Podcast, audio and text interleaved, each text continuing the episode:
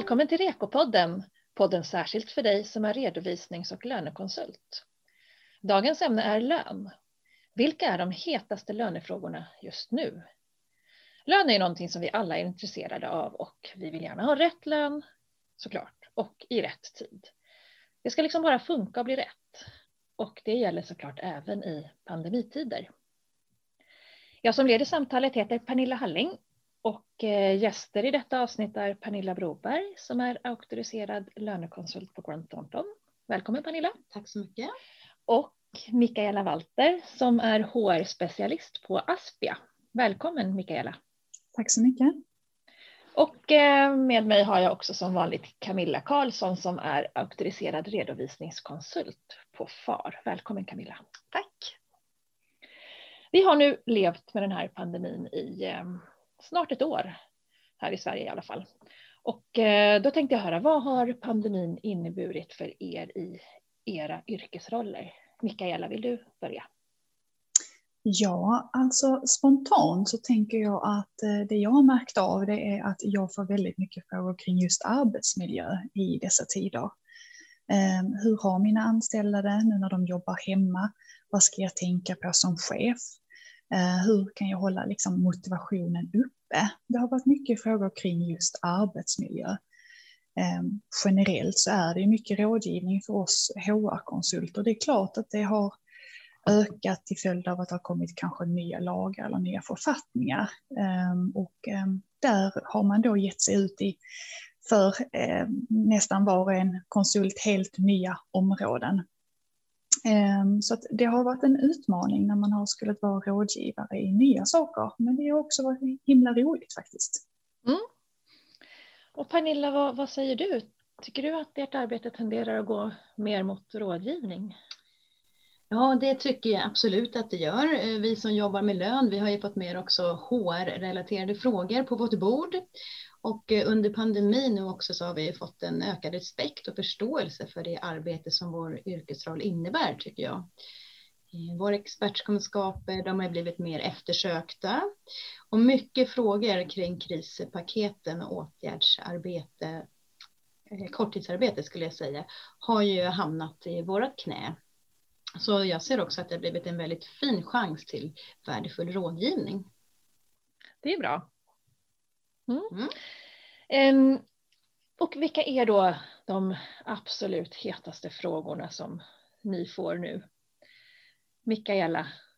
Ja, eh, vi kan väl börja med korttidsarbete eller det som även kallas korttidspermittering. Alltså det kom en lag eh, redan 2013 ju, eh, som, som reglerade stöd vid korttidsarbete. Men det var väl egentligen först våren 2020 som vi på allvar stiftade bekantskap med korttidsarbete. Eh, stödet som kom förra året det kommer att förlängas här under 2021.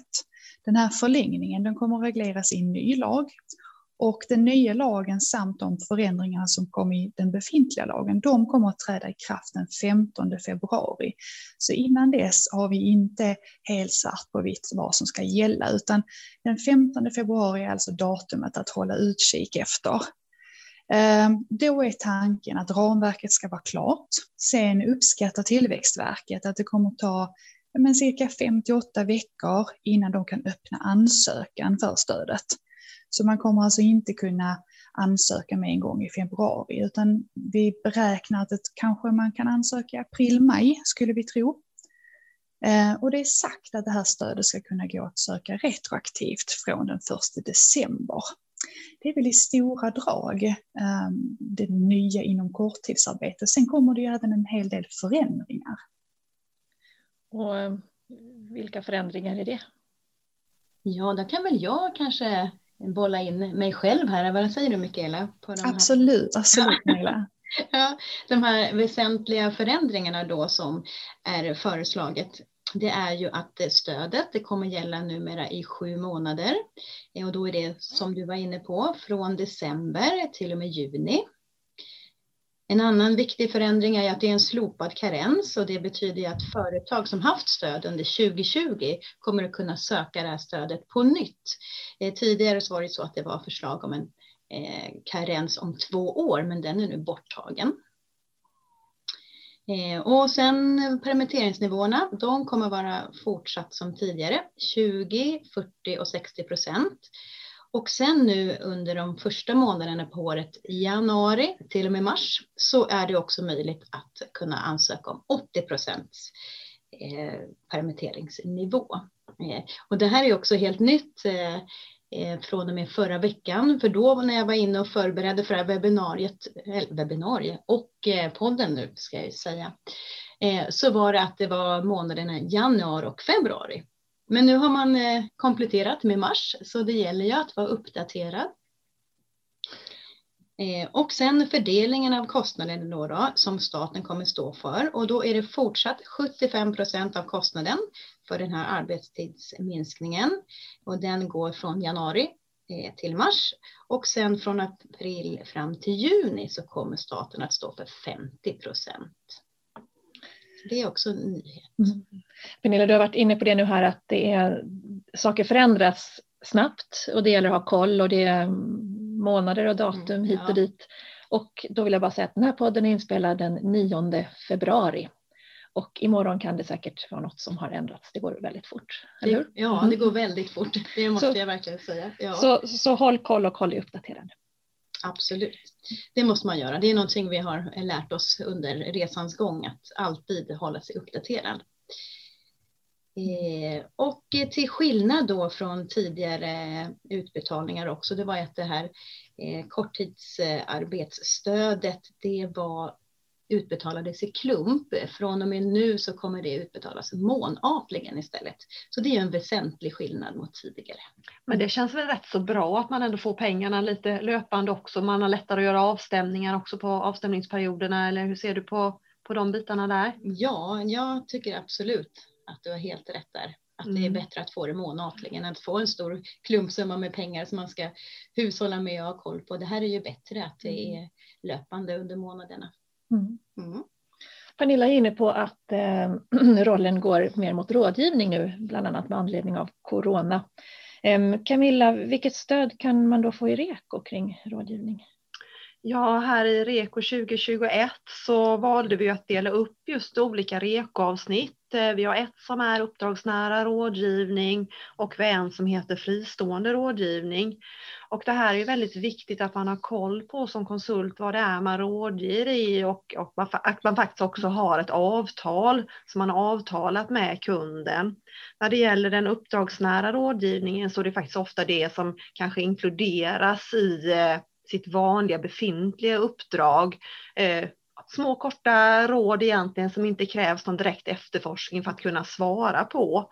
Men när vi däremot pratar om den fristående rådgivningen då är det ju större komplexa frågor och då är det ju viktigt att man separerar det och att man verkligen ser till att man har ett avtal som tydliggör vem det är som ansvarar för vad. För det, det är komplexa frågor. Mm. Mm. Eh, vi har varit inne på reglerna kring korttidspermitteringar som ska beslutas om nu i dagarna då den 15 februari.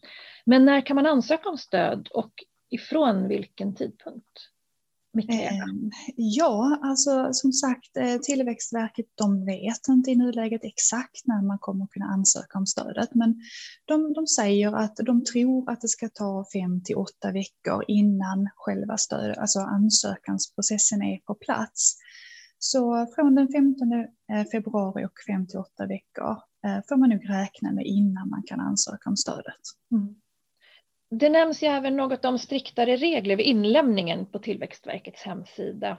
Pernilla, kan du förklara vad det kan innebära? Ja, det ska jag försöka svara på.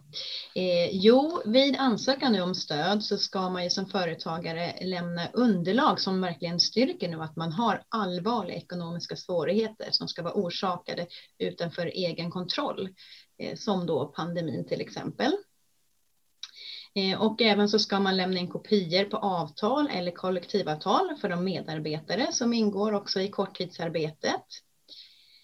Eh, dessutom så finns det förslag att man ska lämna in ett skriftligt revisorsyttrande. Och det här yttrandet ska redogöra då för ekonomiska svårigheter och orsaken till de här och hur länge de förväntas bestå. Dessutom har vi ju den här heta potatisen om vinstutdelning. det var ju hela våren var det ju lite oklarheter kring det här. Men nu är det tydligare. Och nu säger förslaget som så att om företaget verkställer en vinstutdelning två månader före stödperioden eller sex månader efter så har man inte rätt till stödet. Och man kan också då bli återbetalningsskyldig om man har fått någonting utbetalt.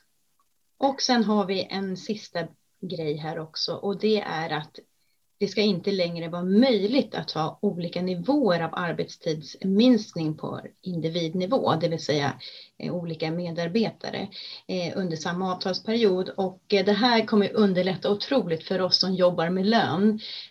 Tidigare så märkte vi att det fanns ju företag som gjorde så att man hade anställda som jobbade en dag 80 procent och nästa dag 20, vilket gjorde hanteringen och administrationen i arbetet kring mm. lön väldigt väldigt eh, svårhanterlig.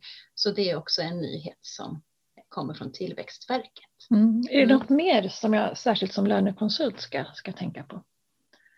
Ja, det är ju det här som vi tjatar om hela tiden och det är ju att vara upp, Eh, uppmärksam och man ska vara uppsjungen och man ska vara insatt i, i vad som händer och sker i nya lagar och regler. För det, det sker förändringar oerhört snabbt. Det har vi fått bli varse. Så att eh, försöka vara påläst, dela med sig av kunskaper till kollegor på arbetsplatsen så att alla besitter den här eh, informationen så snabbt som möjligt så att vi kan rådge våra kunder på bästa sätt.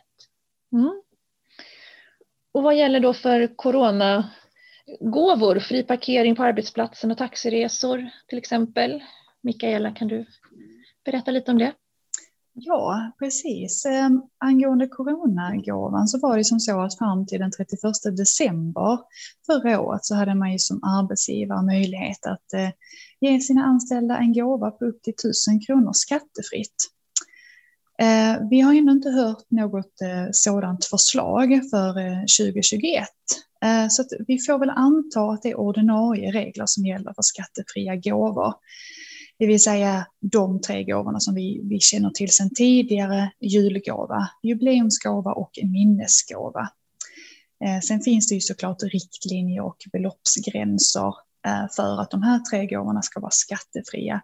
Eh, och de exakta reglerna där, de hittar man absolut bäst på Skatteverkets hemsida.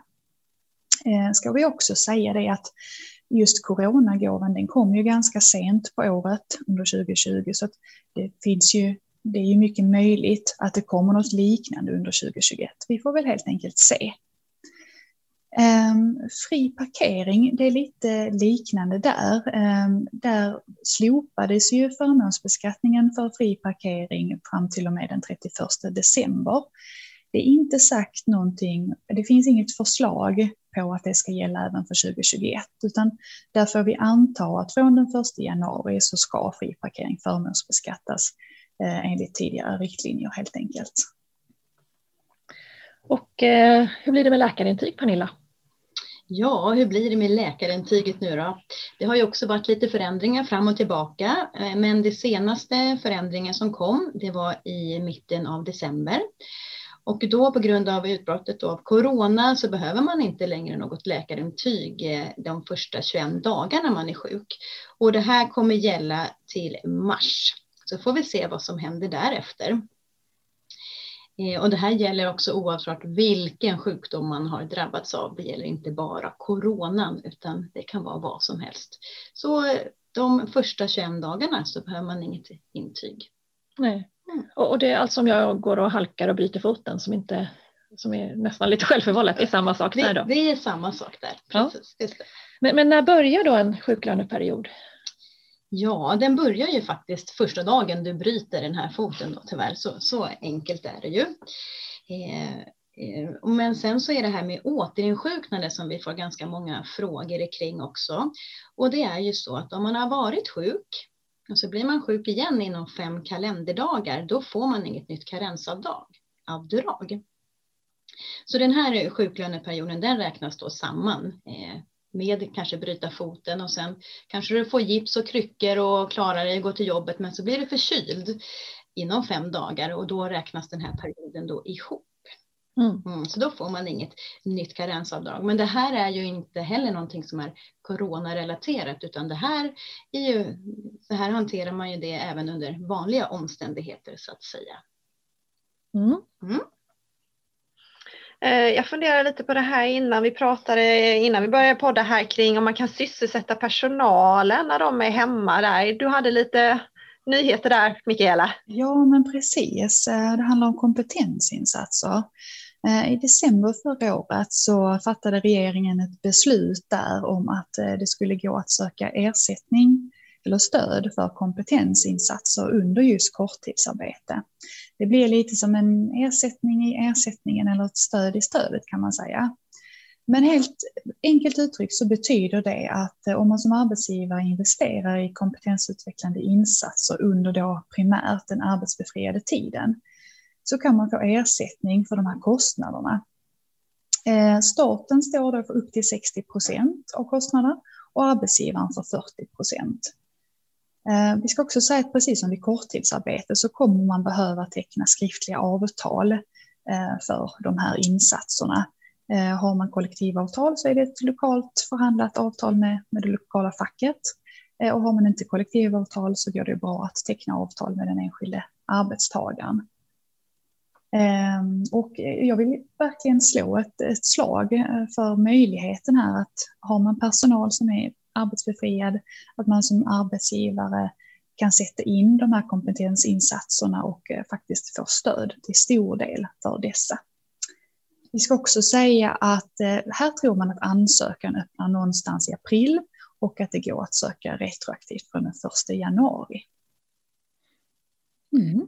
Ja, spännande. Ja. ja.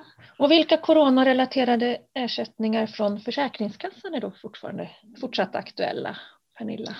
Ja, först då är det då ersättning för karensdagen och den här gäller då tillfälligt fram till 28 februari. Eh, och beloppet har höjts nu till 810 kronor och man söker då den här ersättningen direkt hos Försäkringskassan. Man får avdrag från sin arbetsgivare som vanligt, men ersättningen då för karensen eh, går att söka hos Försäkringskassan Sen finns det också tillfällig föräldrapenning i samband med skolstängning eller att förskolan stänger på grund av ett coronautbrott eller om man har flera lärare eller pedagoger som har blivit sjuka.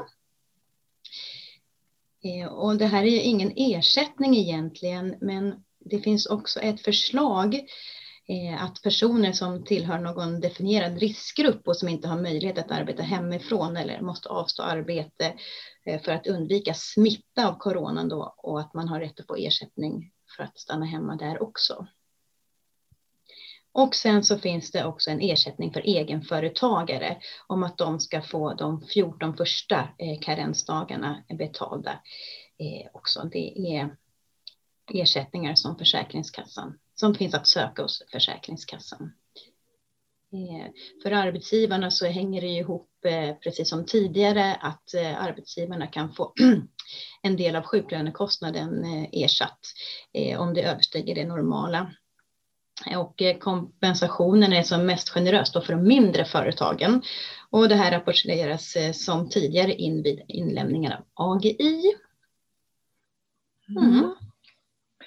Ni som har lyssnat på den här podden tidigare vet ju att Camilla brukar prata om dokumentation.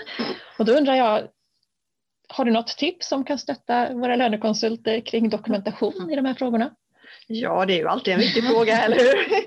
Det börjar du också tycka nu Pernilla, tror jag. Ja, jo, jo. Eh, helt hjärntvättad. Ja, men mm. som ni har förstått här idag på dagens samtal så är det mycket komplexa frågor vi diskuterar och det är ju helt nya frågor för eh, den här professionen också. Vi har mycket nya lagstiftningar, mycket nya regler att sätta in oss i.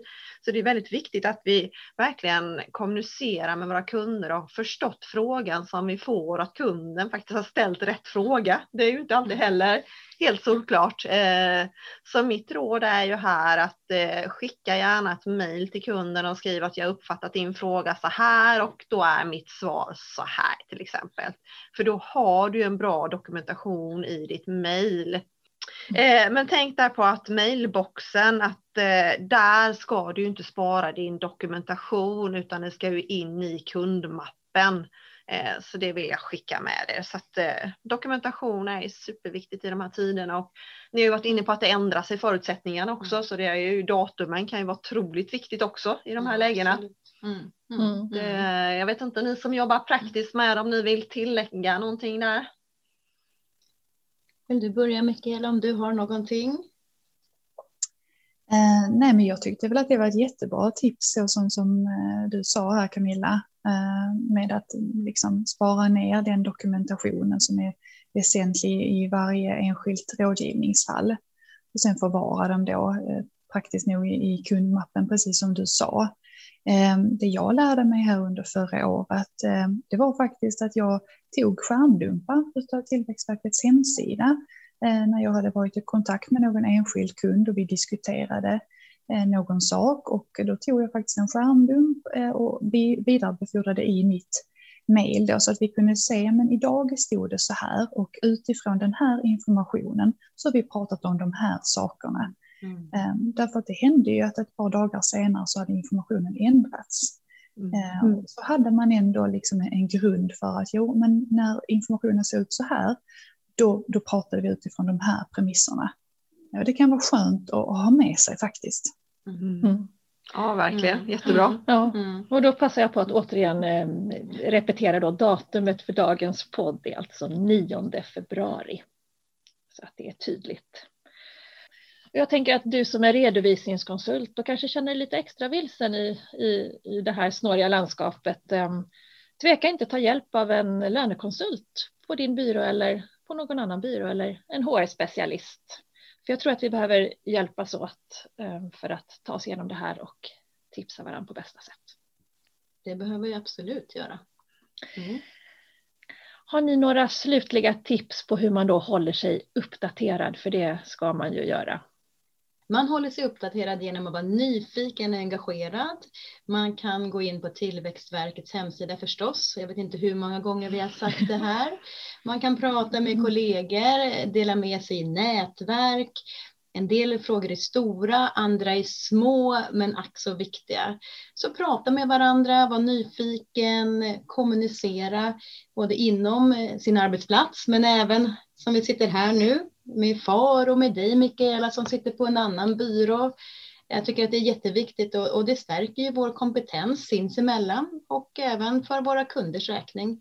Vi är specialister, det är komplexa frågor vi, vi hanterar dagligen mm. och vi kan bara hjälpa varandra att bli starka för vår egen skull men även för kundernas.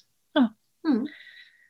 Och de orden får avsluta den här podden om de hetaste lönefrågorna. Tack så mycket Pernilla och Mikaela för att ni kom hit och delade med er av era värdefulla och heta kunskaper på det här området. Tack så mycket. Tack, tack. tack. Och tack alla ni som har lyssnat.